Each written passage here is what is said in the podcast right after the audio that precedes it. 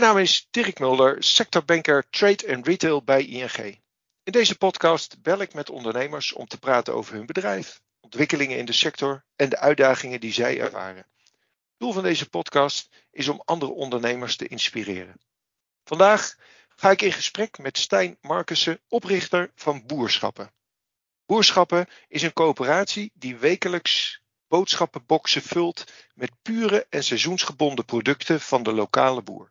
Ik praat met Stijn over de actuele trends in de voedingsketen, het belang van gezonde voeding, de korte keten en de veranderingen in voeding bij de jonge generatie.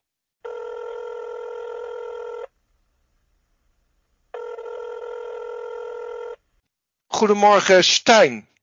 Goedemorgen. Laten we maar direct beginnen. Kun je wat vertellen over jezelf en over boerschappen? Nou, ik ben Stijn, ik ben uh, 38, uh, uh, ik twijfel nou, ik ben 37 en ik ben uh, papa van drie kleine kinderen. Ik ben met Stephanie samen en met Stephanie ben ik in 2013 boerschappen begonnen. Eigenlijk vanuit onvrede over het toenmalige supermarktaanbod. We komen vanuit een, een medische noodzaak van uh, Stephanie. Zij mocht een tijdje geen suiker eten op medisch dieet. En dat lukte gewoon niet in de supermarkten om, uh, om dat te vinden. En uiteindelijk zijn we zelf met tien vrienden in 2013 gestart om eigenlijk als een sociaal experiment om lokaal bij kleinschalige boeren in de buurt onze boodschappen te halen in een weekend. En voor tien vrienden deden we dat. En dat werden de elf en dat werden de twaalf. En dat werden vrienden van vrienden. En uiteindelijk is dat een beetje uit de hand gelopen. Um, inmiddels is dat negen jaar later een bedrijf waar, uh, waar bijna 60 mensen werken. En waar we vijf dagen per week uh, boodschappenboxen verspreiden door het hele land. En in verschillende varianten. Dat is boerschappen. Hoe, ehm, wat jij zegt, je haalt het bij de boer. En, ja. en dan? Nou, wij, uh, feitelijk hebben wij uh, 52 cyclussen per jaar. En in, ja. in een cyclus van een week leveren wij vijf dagen per week onze boxen uit. Dat betekent dat wij ook die dagen verse producten bij onze boeren ophalen. Of de boeren komen bij ons in ons uh, het, distributiecentrum in Breda brengen. Feitelijk pakken wij de, onze boxen in tussen, ja, tussen 8 en 11 in de ochtend. Om half twaalf staat dus alles klaar. Dan vliegt het of met same day delivery uit naar onze klanten door het hele land. Die aan huisbezorging hebben gekozen. Of het gaat naar onze distributiepunten, onze pick-up points, uh, eigenlijk door de hele provincie. Uh, en dan kunnen mensen bij ons komen ophalen.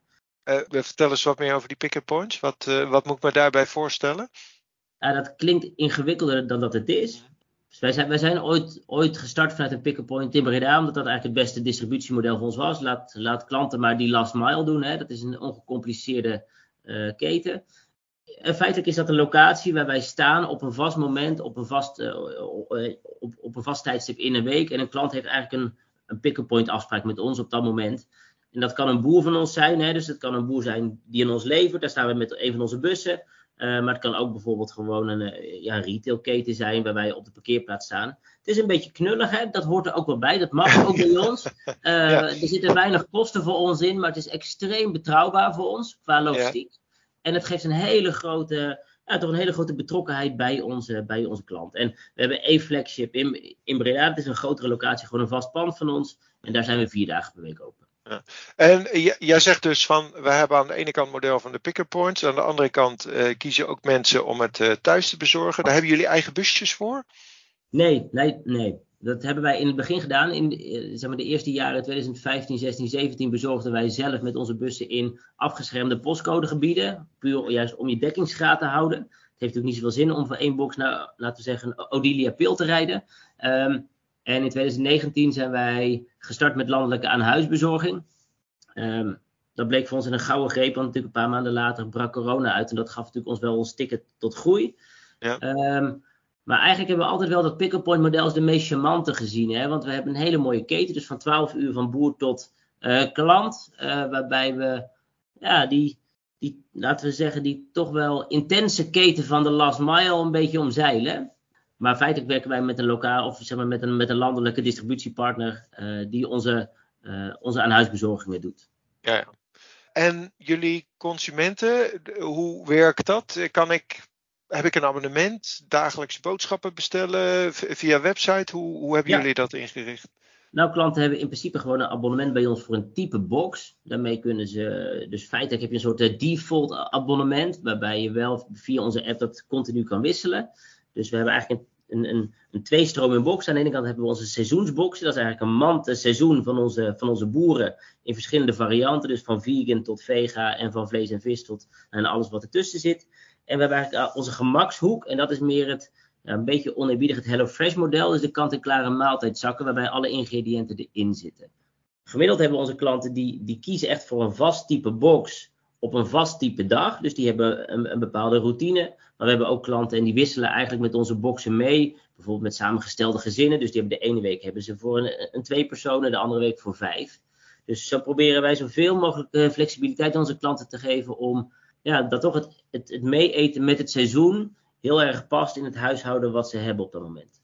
Als je, als je dan kijkt naar jullie consumenten, is, dat, is die te typeren?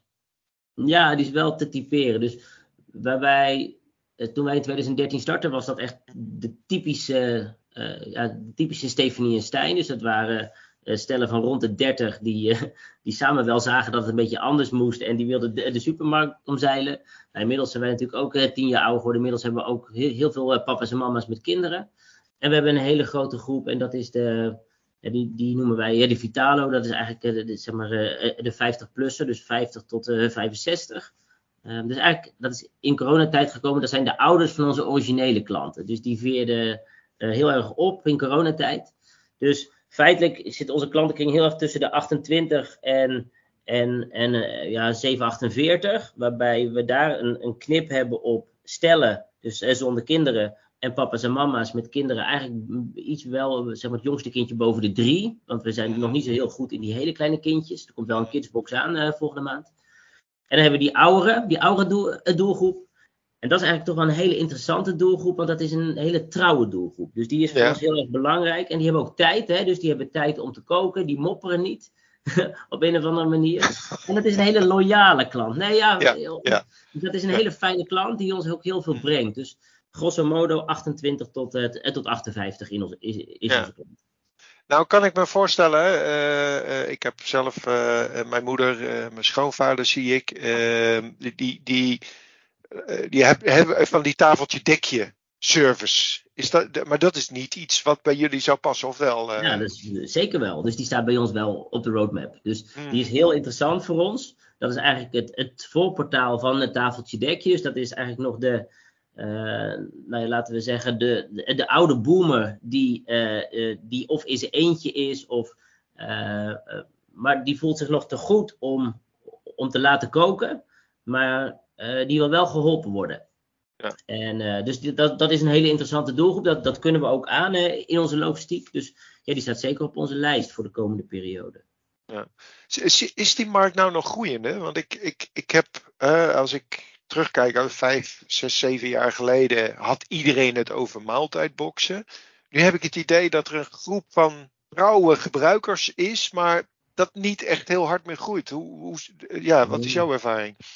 Nou, het is wel een ingewikkelde tijd hoor nu. Dus als je mij een jaar geleden gesproken had, dan zaten wij echt, echt, echt natuurlijk ongeveer in de meest groene groeizone die er was. Dat is een jaar later wel anders. Dus ook wij hebben toch wel ja, we merken ook wel dat het minder makkelijk is. Nou, hoe dat komt, dat zal aan de ene kant natuurlijk, ja, er zijn natuurlijk uh, macro-economische omstandigheden die niet in ons uh, voordeel zitten.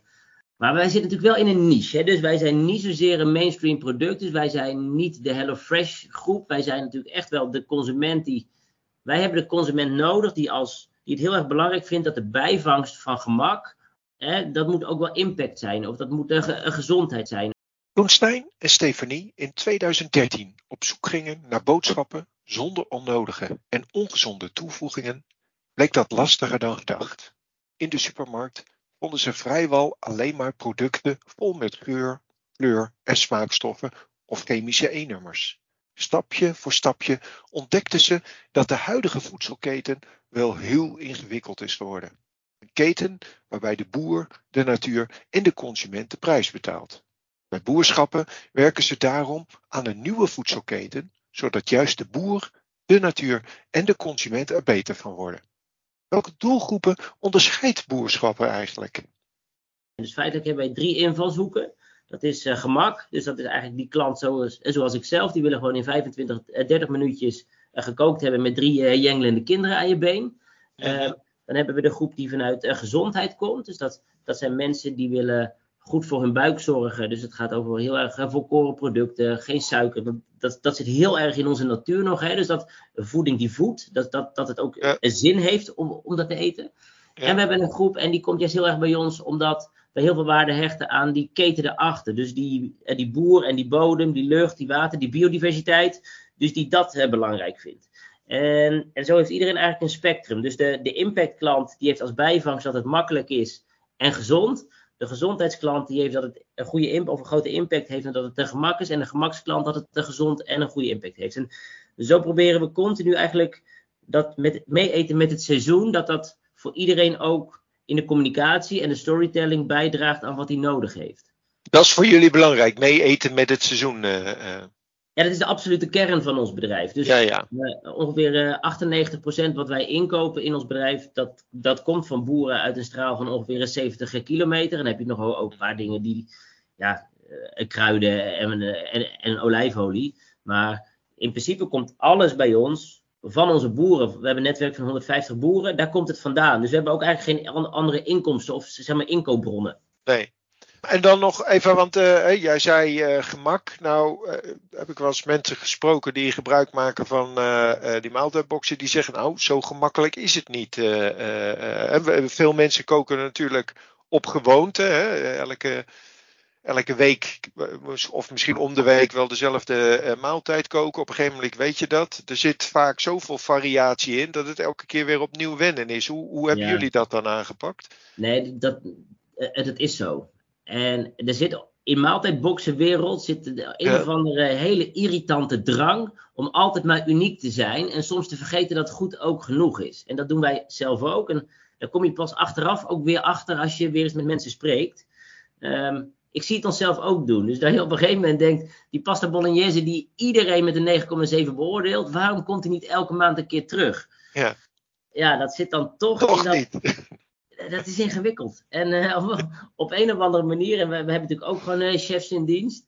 Dat, ja. zijn toch, ja, dat zijn natuurlijk allemaal hele waardevolle mensen voor je bedrijf, maar die, die houden niet van herhaling. Hè? Dus, um, dus af en toe moeten wij ze ook wel weer eens terugroepen. en dat is hartstikke wonderlijk. En dan denk je, ja, uh, en, en, de meeste mensen van onze klanten die zouden, ik denk als je ze een lijstje zou geven van herhaal dit nou eens elk jaar en dan optimaliseren we in negen jaar wat nou Ja. onze cyclus over 52 weken is. Ja.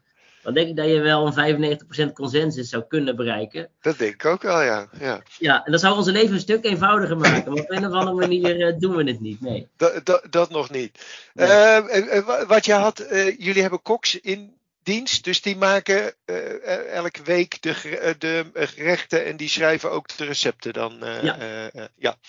Ja, dus feitelijk hebben we natuurlijk eigenlijk drie, drie belangrijke zones. Dus we hebben aan de ene kant onze sourcingzone. Dat is eigenlijk zeg maar, de ploeg die, die, die, dat hele netwerk van eh, boeren beheert. Dus wat is er, wat komt er, hoe staat het met die bodem, wat komt eruit, hoe staat het met, met het weer. Dus wanneer krijgen we die raapsteeltjes. Dan heb je eigenlijk het boksen samenstelteam. Dus dat is een ploeg en die, die stellen eigenlijk van al die boeren stellen ze een gevarieerde box samen.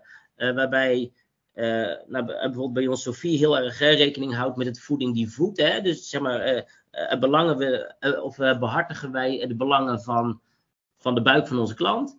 En eigenlijk met die black box gaan we naar het receptenteam. En die gaan daar mensen helpen om met het seizoen eh, mee te koken.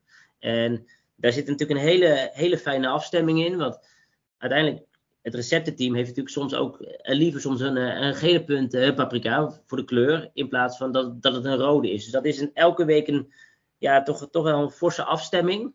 Nou, nou zoeken we nu natuurlijk het mooie seizoen weer in. Maar dat, zeker in de winter is dat natuurlijk af en toe best eens ingewikkeld. Want ja, dan zit je weer met die kolen. En dan zit je weer met die, met die knollen en, en die wortels.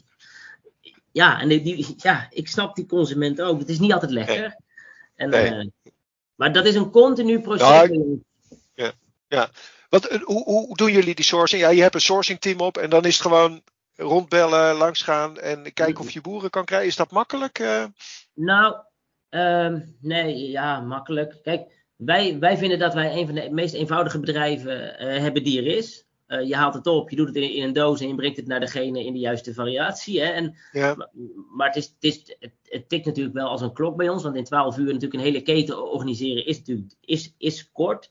Ehm, die boeren, die, die boeren dat, we hebben eigenlijk drie soorten manieren waarop we met een boer werken. Dus of het is een. Eigenlijk zijn al onze boeren zijn vaste boeren. Dus ons netwerk van 150 boeren, dat zijn boeren waarmee wij een overeenkomst hebben en waarmee wij in principe exclusief werken.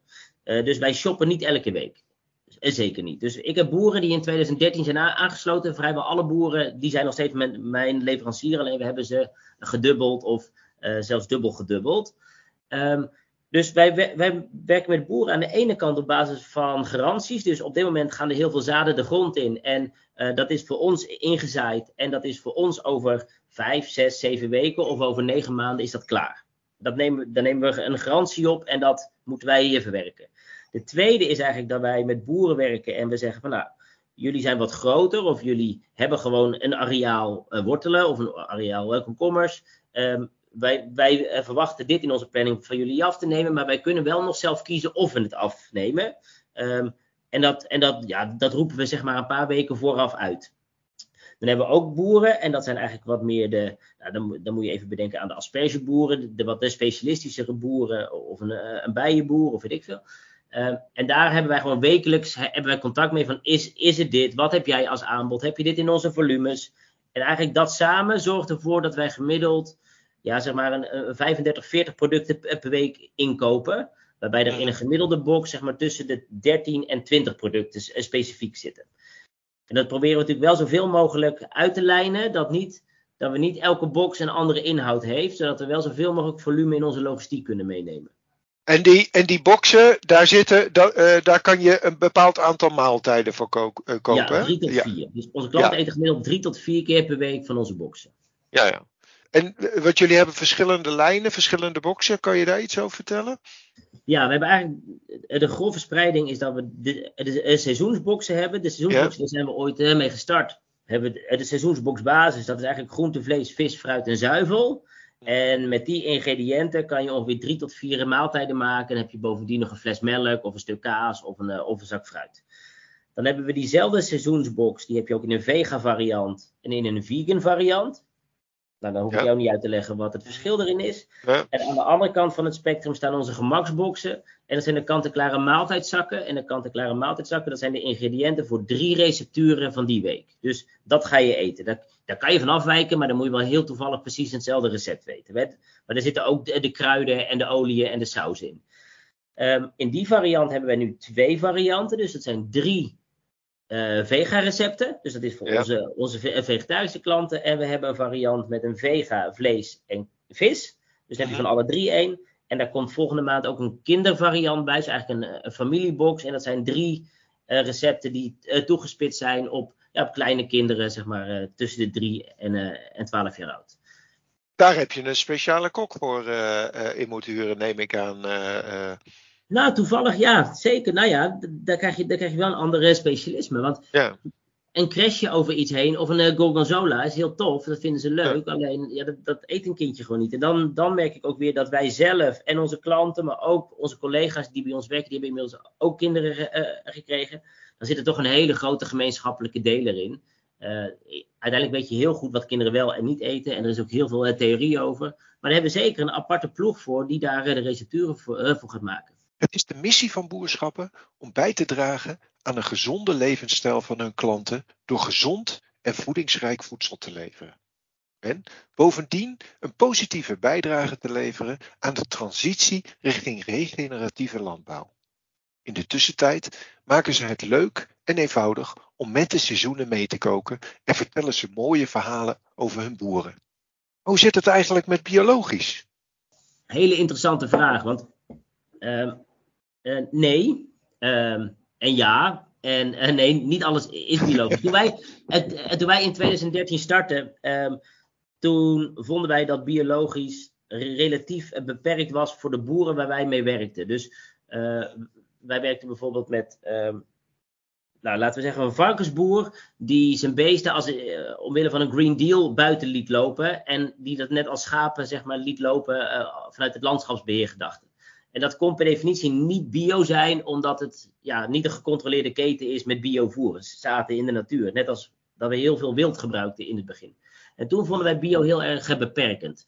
Ehm, nu, negen jaar later, nu wij echt wel een veel betere visie hebben op wat zou ons, ons bedrijf moeten doen. Hè? Wat zijn onze, onze ambities? Nou, we hebben de ambitie om in 2030 naar een, uh, een chemievrije en een kunstmestvrije keten te gaan. Dus dat betekent dat er uh, geen hulpmiddelen gebruikt worden uh, in de keten. Dat betekent ook wel dat wij de ambitie richting, richting regeneratieve landbouw ingegaan zijn. Dus natuurherstellende landbouw. Waarbij we nu ook zien dat die natuurherstellende landbouw, of die regeneratieve landbouw, gekaapt weer wordt door de grote partijen. Nou, dat is natuurlijk al een tijdje aan de gang. En uiteindelijk is de, de onderliggende basis is natuurlijk eigenlijk een biologische of biologische dynamische landbouw. Dus wij merken nu ook wel, na negen jaar, dat het bio helemaal niet zo'n gekke gedachte is. Zeker in de plantaardige teelt.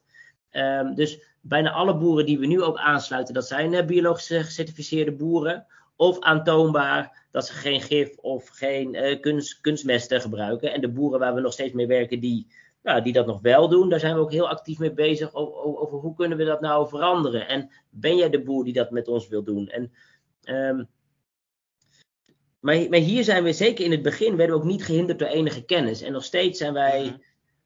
Nou, dit, dit, is best wel een beetje een spagaat hoor in, in ons bedrijf. We zijn een relatief klein bedrijf. Uh, ja. Um, we hebben geen grote RD-afdeling. We hebben geen grote budgetten om dit te auditen. Um, uh, we, he we, hebben niet een QA-department die, die dat allemaal doet. Dus, maar uiteindelijk zeggen we wel: wij willen een keten bouwen die deugt. Nou ja, dan is nu de vraag: wat is dan überhaupt deugen? Hè? En we hebben wel een schaal dat we opvallen. Dus dat deugen is niet meer zo vrijblijvend als natuurlijk in 2013, toen we 10 klanten hadden. Dus dit, dit zit heel erg in onze dag en uh, waar wij onze aandacht aan besteden. En welke opdracht wij meegeven aan onze, aan onze inkopers.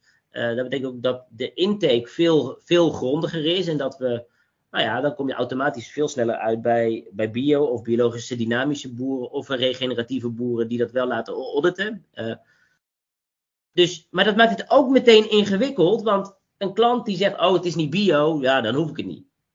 Ten. Maar, op, maar soms, als je het uitlegt, dan zeggen ze: Oh, maar het is een stuk genuanceerder. Ja, dat is het ook. Uh, wij wisten dingen ook een paar jaar geleden niet, die we nu wel weten. En waarschijnlijk weten we nu ook nog een paar dingen niet die we over vier jaar wel weten. Dus dit blijft ook een continu, een continu proces waarin we ook heel eerlijk naar onszelf toe willen zijn. Dat als we het niet weten, dan moeten we er ook niet te hard over roepen. Um, maar dan vertel, laten we liever die boer het verhaal vertellen. Dus dan dus nu hebben we eigenlijk, als je over de hele linie kijkt, kopen we ongeveer 55% kopen we, kopen we biologisch in, in ons bedrijf. Um, um, in principe zou ook een 45% is zeg maar, op, op, op papier is het een, een gangbaar product. Waarbij ja. daar dus ook onder valt dat het dus die, die varkens zijn die, die wel helemaal buiten leven. Um, ja. ja. dit blijft toch een beetje onze Achilleshiel. ja.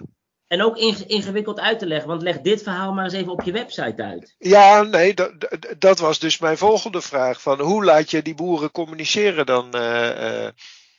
Ja, nou ja, uh, dan moet je eerst techniek hebben. Dus wij hebben net pas een techniek kunnen bouwen, dus een, een, nieuwe app kunnen bouwen, dat we dit allemaal konden doen. Hè. Voorheen maakten we nieuws, nieuwsbrieven. Dus wij, wij zijn natuurlijk in 2013 gestart zonder geld in een wereld waar heel veel poen zit. Het ja. een behoorlijk plaat voor je hoofd hebben om dat natuurlijk te gaan doen. Nou, die hadden we natuurlijk ook wel. Maar uiteindelijk vertrouwden mensen ons ook, omdat we heel eerlijk waren. Dus als wij een fout maakten, dus wij, wij maakten wij ook, ook gewoon fouten, dan, dan vertelden we dat al, altijd. Dus als wij bijvoorbeeld. Uh, nou, wij gaan, wij gaan heel erg prat op, op het feit dat we geen onnodige toevoegingen aan onze bewerkte producten toevoegen. Dus wij laten zelf onze sauzen maken en wij voegen niks toe wat slecht voor onze klant is. Dus uh, geen suiker, geen rode E-nummers, geen uh, vul- of uh, conserveermiddelen. Maar als we dat per ongeluk deden, en dat gebeurde wel eens dat een leverancier van ons per ongeluk het, het verkeerde receptuur gebruikte, dan, nou, dan, dan, dan, dan gaven we openlijk aan dat we een foutje gemaakt hadden. Waardoor als we niks zeiden, dan vertrouwden mensen ons dat er niks aan de hand was. En zo zijn wij natuurlijk best wel snel gegroeid op dit moment wil je natuurlijk vooral laten zien hoe je alles doet. Hè? Dus niet meer achteraf iets moeten verantwoorden. Um, en dat betekent ook dat we eigenlijk een hele nieuwe fase in, ingaan van hoe gaan we nou uh, systemen aansluiten op onze boeren? Of hoe, hoe, hoe gaan we nou techniek gebruiken of, of AgTech om, op boeren te meten. Laten we zeggen, we gaan een hele mooie graadmeter is, is een bodem, hè, of laten we zeggen waterkwaliteit of lucht of weet ik veel. Hoe ga je nou techniek omhelzen om via jouw app continu eigenlijk die voortgang of die, die statussen van je boeren te laten zien, zonder dat het ook op een gegeven moment een beetje erbij gesleept wordt. Hè? Dus welke, welke informatie is er relevant? Nou, daar zitten we nu heel erg in. Dus wat willen onze klanten überhaupt weten? Mhm. Ehm, wat kunnen we ze geven? En, en wat kunnen we ze ook gewoon niet geven nog? Dus welke informatie kunnen we niet ontsluiten nu? En, en daarbij zijn we nu bijvoorbeeld heel erg bezig dus met hoe kunnen we op, op korte termijn, en dan heb ik het over één of twee jaar, bewijzen dat er geen chemie gebruikt is bij een boer. Want als ik dat eh, kan bewijzen, nou, dan, dan, dan kan ik mijn klanten zeggen: Oké, wij gebruiken gegarandeerd geen gif, eh, landbouwgif of chemie in onze keten. Waardoor ik die angel van niet biologisch eruit kan halen bij jou. Nou, als ik dan ook nog eh, kan bewijzen dat we geen kunstmest gebruiken. En dat, daar, daar, ben ik niet einde, einde van het jaar hoor. Hè, dus dat is een proces. Dus als ik op een gegeven moment een belofte kan maken aan mijn klanten van oké, een gifvrije keten uh, zonder, zonder kunstmest, waarbij ik een eerlijke prijs betaal aan de boer om dat allemaal te kunnen doen. En daarbij betaal ik ook nog voor, uh, voor B-keus. Of nou, uiteindelijk maak ik een goed verdienmodel voor hem. En ik kan dat laten zien aan de hand van data of aan de hand van, ja, ja weet ik veel, verzin het. Dan heb ik straks bijna niet meer een keurmerk nodig om erachter te verschuilen. Ehm, maar dan ga je dus eigenlijk data gebruiken om, om je keten open te gooien. En dan, dan ben je feitelijk uh, die, die, die relevante informatie op het juiste moment aan iemand aan het tonen om je marketingverhaal te bewijzen. Dat en, klopt, alleen dan moet je de consument wel opvoeden in dat ze die data moeten kunnen lezen uh, weer. Ja. En dat maakt een keurmerk aan één kant, hè, maakt het makkelijk. Ja. Hè? Alleen dan moet je een goed keurmerk hebben. Dat is natuurlijk een probleem. Ja, maar dat is bijvoorbeeld wel discussies die ik graag bijvoorbeeld met Scal zou willen hebben. Of met een andere keurmerk. Van hoe krijgen we nou die data op het, op het juiste moment, in de juiste verhouding, in de juiste ratio bij de juiste klant. Zodat we juist die boer kunnen belonen voor zijn goede werk. Ja. En, en moet het dan per se ja of nee zijn? Of is dan. Nou ja, hier ben ik ook nog niet over uit hoor, hoe we dit moeten doen. Maar dat is je volgende uitdaging in ieder geval. ja, ja. Nou ja, ik wil wel gewoon het uh, goed doen. Dus we zijn, een, ja. we zijn, we zijn uh, te groot geworden om zomaar iets te roepen. Alleen, ja. maar we zijn ook nog best wel klein. Kijk, zomaar even een onderzoek doen naar, naar het tiltwijze binnen de aardappelmarkt. Ja, dat, dat kost zo even 10.000 euro. En dat is over een week weer achterhaald met nieuwe, met nieuwe, met nieuwe risico's. Dus ja. Zo blijf je bezig. Ja. ja. Als, je, als je daar nou toch eens naar terugkijkt, hè, van, uh, kijkend, hè, 2013 start, waar zijn jullie de afgelopen jaren nog meer tegenaan gelopen? Je hebt al een aantal dingen genoemd, maar. Nou ja, dan heb je het over, uh, over geld, dan heb je het over IT, dan heb je het over uh, fulfillment, logistiek, personeel, organisatie, je eigen capaciteit hè, als, als ondernemer, um, stress, zorgen. Ja, uiteindelijk alle klassieke cycli, die doorloop je. Dus toen wij zeg maar, toen wij midden in, in corona terechtkwamen, toen het eerste wat wij verloren, wij waren toen met een grote cateraar bezig om een heel contract van een grote groothandel over te nemen. En dat waren we in februari 2020 aan het pitchen bij eh, de andere grote bank. Ook een oranje-blauwe bank. Die, mhm, ken je, die ken je. Ja, die ken ik. En, en toen vonden ze mijn. Uh, en wij zouden dit gaan doen. En wij zouden 200 locaties servicen. Dat was een mega contract voor ons. Heel, heel leuk, hele leuke cateraar. Vitam in Den Bosch. Ja. En uh, nou ja, uiteindelijk, uiteindelijk was ons uh, pikzwarte scenario niet zwart genoeg. Toen was ik wel benieuwd als ik toen gezegd had: Oké, beste Rabo, er komt een pandemie volgende maand. En we lopen twee jaar lang met de mondkapjes. Nee, nee, Stijn, zo. Uh, ja. en dus uiteindelijk in, in coronatijd crashte die hele deal natuurlijk. Hè, want ja die, die, kantoren liepen leeg. Dus mijn eerste week van corona was: ik ben mijn toekomst even kwijt. Want we, dat, dat, daar hadden we twee jaar aan gewerkt. En toen, toen kwamen al, de, al die cyclussen in twee jaar langs. Toen zaten we in een relatief klein pand in, in Breda. Hadden we, werkten er 15, 16 mensen bij ons. En wij ontploften toen in ja, 500, 600% groei in, in net twee jaar. En toen moest je natuurlijk, dus toen was groei geen enkel uh, probleem. Toen was je IT werd even je probleem, want het piepte en het kraakte. Um, toen we dat opgelost hadden, of tenminste enigszins gestut hadden, toen kwam je erachter dat je, dat je fulfillment uh, niet lukte. Nou, toen moest je natuurlijk naar een, een nieuw tijdelijk pand. Nou, als je fulfillment eenmaal lukt, dus dan bouw je zeg maar een impactlijntje. Dan moet je weer mensen hebben. Dus dan groeiden we heel snel naar 35, 40 mensen. Nou, dan moest je eigenlijk weer een manager ertussen gaan zetten. En uiteindelijk, aan het einde van coronatijd, zagen we toch wel dat onze cashflow begon op te drogen. Want we moesten zoveel investeren. En tot die tijd waren we gewoon vanuit cashflow gefinancierd. Dus we hadden geen extern geld. Dus uiteindelijk hadden we toen geld nodig. Nou, dan is je probleem geld. Nou, en tegen de tijd dat we met investeringsfondsen praten. Dan heb je weer een corporate finance adviseurs nodig. Moet weer een pitch. Dan is dat je probleem. En nou, uiteindelijk hebben wij gekozen om een coöperatie te worden. En hadden we heel veel geld.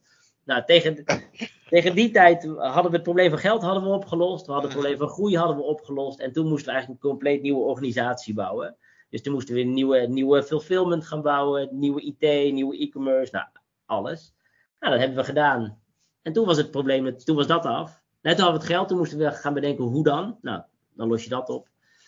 En nu zitten we op het punt dat alles staat. We hebben een schaalbaar bedrijf. En nu hebben we het moeilijk met de consument. Waar zit de consument weer? En de consument heeft ander gedrag. Dus nu is dat ons probleem, groei. Merk je dat? Is, bedoel je dan op de inflatie, stijgende voedselprijzen en dat men ja. gaat nou, kiezen? Wat heel uh, wonderlijk is, uh, Dirk, is dat we. Wij hadden, wij hadden gewoon een website die heel goed converteerde. Wij zijn gewoon heel goed in relatief uh, goed in sales. We hadden nooit moeite om klanten te vinden. En het belangrijkste waarom klanten bij ons uh, binnenkwamen, dat was het eco-stuk. Dus dat ging, je hebt zeg maar in marketingwereld heb je eigenlijk eco en ego. E, eco is zeg maar het grote doel, uh, het impactstuk en ego gaat over jouzelf. En hoe harder wij riepen dat we aan een keten werkten die beter was, hoe harder de klanten bij ons kwamen. Dus die hele nieuwe journey die we bouwden, die ging live uh, die, die ging helemaal over de boer, over het verhaal achter de boer, over samen het voedselsysteem veranderen. En toen gingen we begin van dit jaar gingen we live met die nieuwe funnel. En er gebeurde helemaal niks. Nee, nee. Ja, toen werd ik natuurlijk wel even nerveus. Ja, dus, ja. En, en dan moet je dus nog veel meer geld erin duwen om traffic eroverheen te kunnen laten gaan. Om te snappen waar gaat het dan mis, waar mhm. stopt het dan. Maar dan converteerde gewoon bijna niemand meer op onze website. Dus en nu hebben we een hele nieuwe journey gebouwd, waar het veel meer gaat over ego. Dus dat het veel meer gaat over wat betekent het voor jou, wat kost het, um, wat kan je verwachten, wat kan je krijgen, hoe, hoe verhoudt zich dat. En daarachter pas het eco-stuk. En dan zie je dat we toch wel weer teruggaan naar goede conversies. En, dus er is ook, ook gewoon een hoop veranderd. Dus in een jaar tijd en ik, ik, ik ben echt vroeg, ik had vroeger een merkactivatiebureau, dus ik was een marketeer voor grote merken. Ja. Dus ik snap echt wel een beetje hoe de mechanismes in generatie Z en in de millennial ja. werken. Ja, er is een hoop veranderd. Er is echt een hele hoop veranderd. En, en dat is ook dus continu. Uh, en mensen hebben natuurlijk minder te besteden. En ons product lijkt natuurlijk een vrij duur, duur product, terwijl dat gewoon feitelijk niet is. Hè. Dus als je ons mandje bij de supermarkt uh, koopt, dan ben je hetzelfde kwijt. Of soms nog minder, want wij stijgen niet zo hard. Ja, dan, maar dat, dat is continu meeveren. Dus we hebben nu een fantastische impactlijn staan. We hebben een fantastisch pand gebouwd. Mooie IT. Alles kan. En nu hebben we eigenlijk weer even moeite om onze klant te vinden. bijzonder, bijzonder. Maar jij had nog een andere uh, opmerking die me wel triggerde. Hè? Je had het over uh, zeg maar de dingen waar je tegenaan gelopen zijn. En je hebt toch ook gezegd management? Ja. Kan je daar wat uh, meer over zeggen? Nou ja, ja nou, ik onderneem al vanaf mijn uh, zeventiende, dus het is uh, twintig jaar nu. En op een gegeven moment had ik een bedrijf. Ik ben natuurlijk een vrij eigenwijze ondernemer. Ik doe het bedrijf samen met uh, Stephanie, mijn van jou, mm vriendin. Maar ik ben wat dat betreft iets meer de ondernemer. Dus ik ben de, ja, toch wel hier een beetje de dominante. Stephanie is dat iets meer thuis. En ons bedrijf groeide zo hard dat we en ik, ik, geloof niet zo heel erg in. Nou, we zijn, er, we zijn er nooit aan toegekomen in die fase om, om zeg maar hele goede KPI's, hele goede uh, sturen informatie. Omdat we best wel verouderde IT hadden. Dus we hadden niet zo heel veel stuurdata en kerndata. En eh, we hadden, we hadden nooit, echt nooit, een single point of truth in ons bedrijf. Dus wij wisten nooit precies waar we het over hadden, maar heel veel onderbuikengevoel. En ik ben een vrij emotionele ondernemer, dus heel veel op op, op intuïtie, op marktgevoel, zelf betrokken. Ja, met ook wel veel risico's. Zeker als je dan naar een bedrijf gaat, we, we, we gaan richting de 10 miljoen, dan, nou, dan, dan, dan, ben je nog steeds uh, relatief een klein bedrijfje, maar dan, dan begin je toch best wel al wat grotere verantwoordelijkheden te krijgen en grotere beslissingen. En elk procentje bruto marge heeft impact en dan komt je cashflow er nog bij en dan En dan zit je ook in de waan van de dag. En dan, dan, dan, nou, dan moet je toch ook af en toe eens eerlijk zijn. Van ben, je, ben je dan op soms. En we, we vaarden altijd heel scherp aan de wind financieel. Omdat we namelijk geen hulp kregen van extern geld. Ja, nou, dan moet je dus ook wel gaan. toch tot de realisatie komen dat je af en toe zelf ook wel een zwakke schakel in je organisatie bent. En ook frustrerend voor andere collega's, omdat het heel vaak worden beslissingen genomen op basis van onderbuik. En dan wil je hoe, hoe, los je dat dan op, uh, Stijn? Uh, trek je dan mensen, eh, verzamel je mensen om je heen? ga je zelf veranderen? Wat, Nou ja, wat we nu gedaan hebben afgelopen jaar, we hebben nu, nu natuurlijk wel gewoon een heel meetbaar bedrijf. Dus we hebben gewoon een complete nieuwe softwarearchitectuur. We hebben nu wel, wel data, we hebben wel. Um, we, we, weten nu wel hoe het met de klant gaat, hoe de klant over ons denkt. We weten veel beter wat onze financiële situatie is. Um, ik heb ook, ook een raad van advies erbij gevraagd een jaar geleden. Uh, nu zijn we bezig met een nieuwe organisatiestructuur, waarin je veel duidelijkere en afgebakende taken hebt.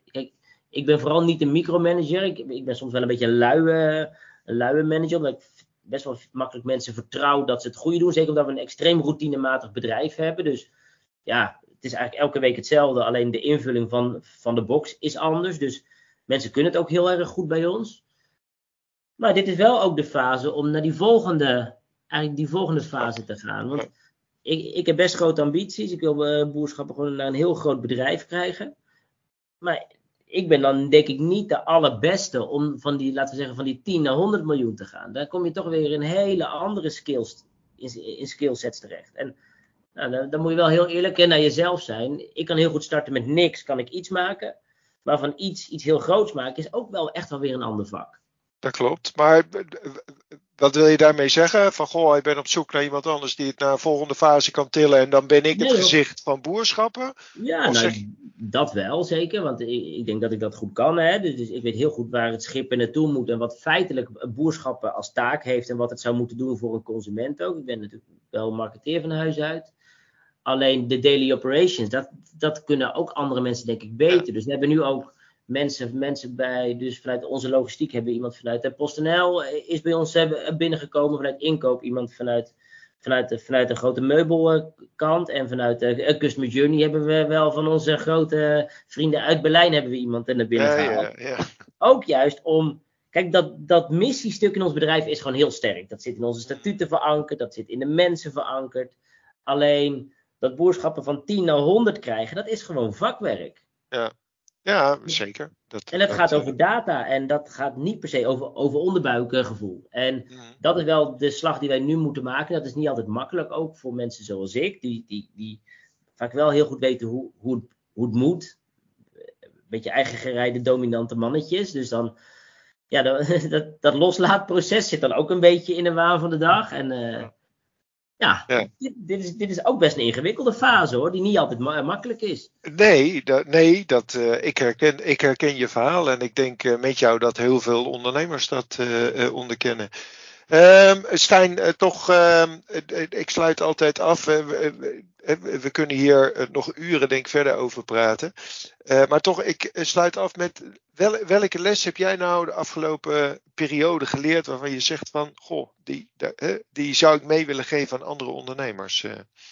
Nou, voor de fase als waar wij in zitten en, en ervan uitgaande dat de ondernemer vaak heel goed een marktgevoel heeft en heel goed een gevoel heeft wat het bedrijf moet doen, neem iemand heel sterk zijn financieel naast je. En laat het, feitelijk mag het de grootste lul zijn die je kent. Um, want degenen die goed iets kunnen starten, dat zijn vaak ook degenen die het financiële stuk niet zo heel leuk vinden en dat ook af en toe wel eens van weg willen kijken.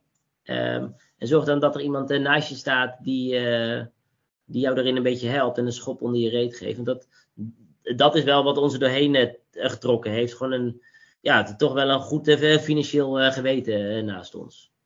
Herkenbaar, heel herkenbaar. Stijn, dank je voor jouw open gesprek. dank je. Ja, graag gedaan. Deze podcast maakt onderdeel uit van een serie gesprekken met ondernemers uit de sector trade en retail. Meer podcasts en informatie over de sector vind je op ing.nl. Wil je nou zelf een keer meedoen aan een podcast?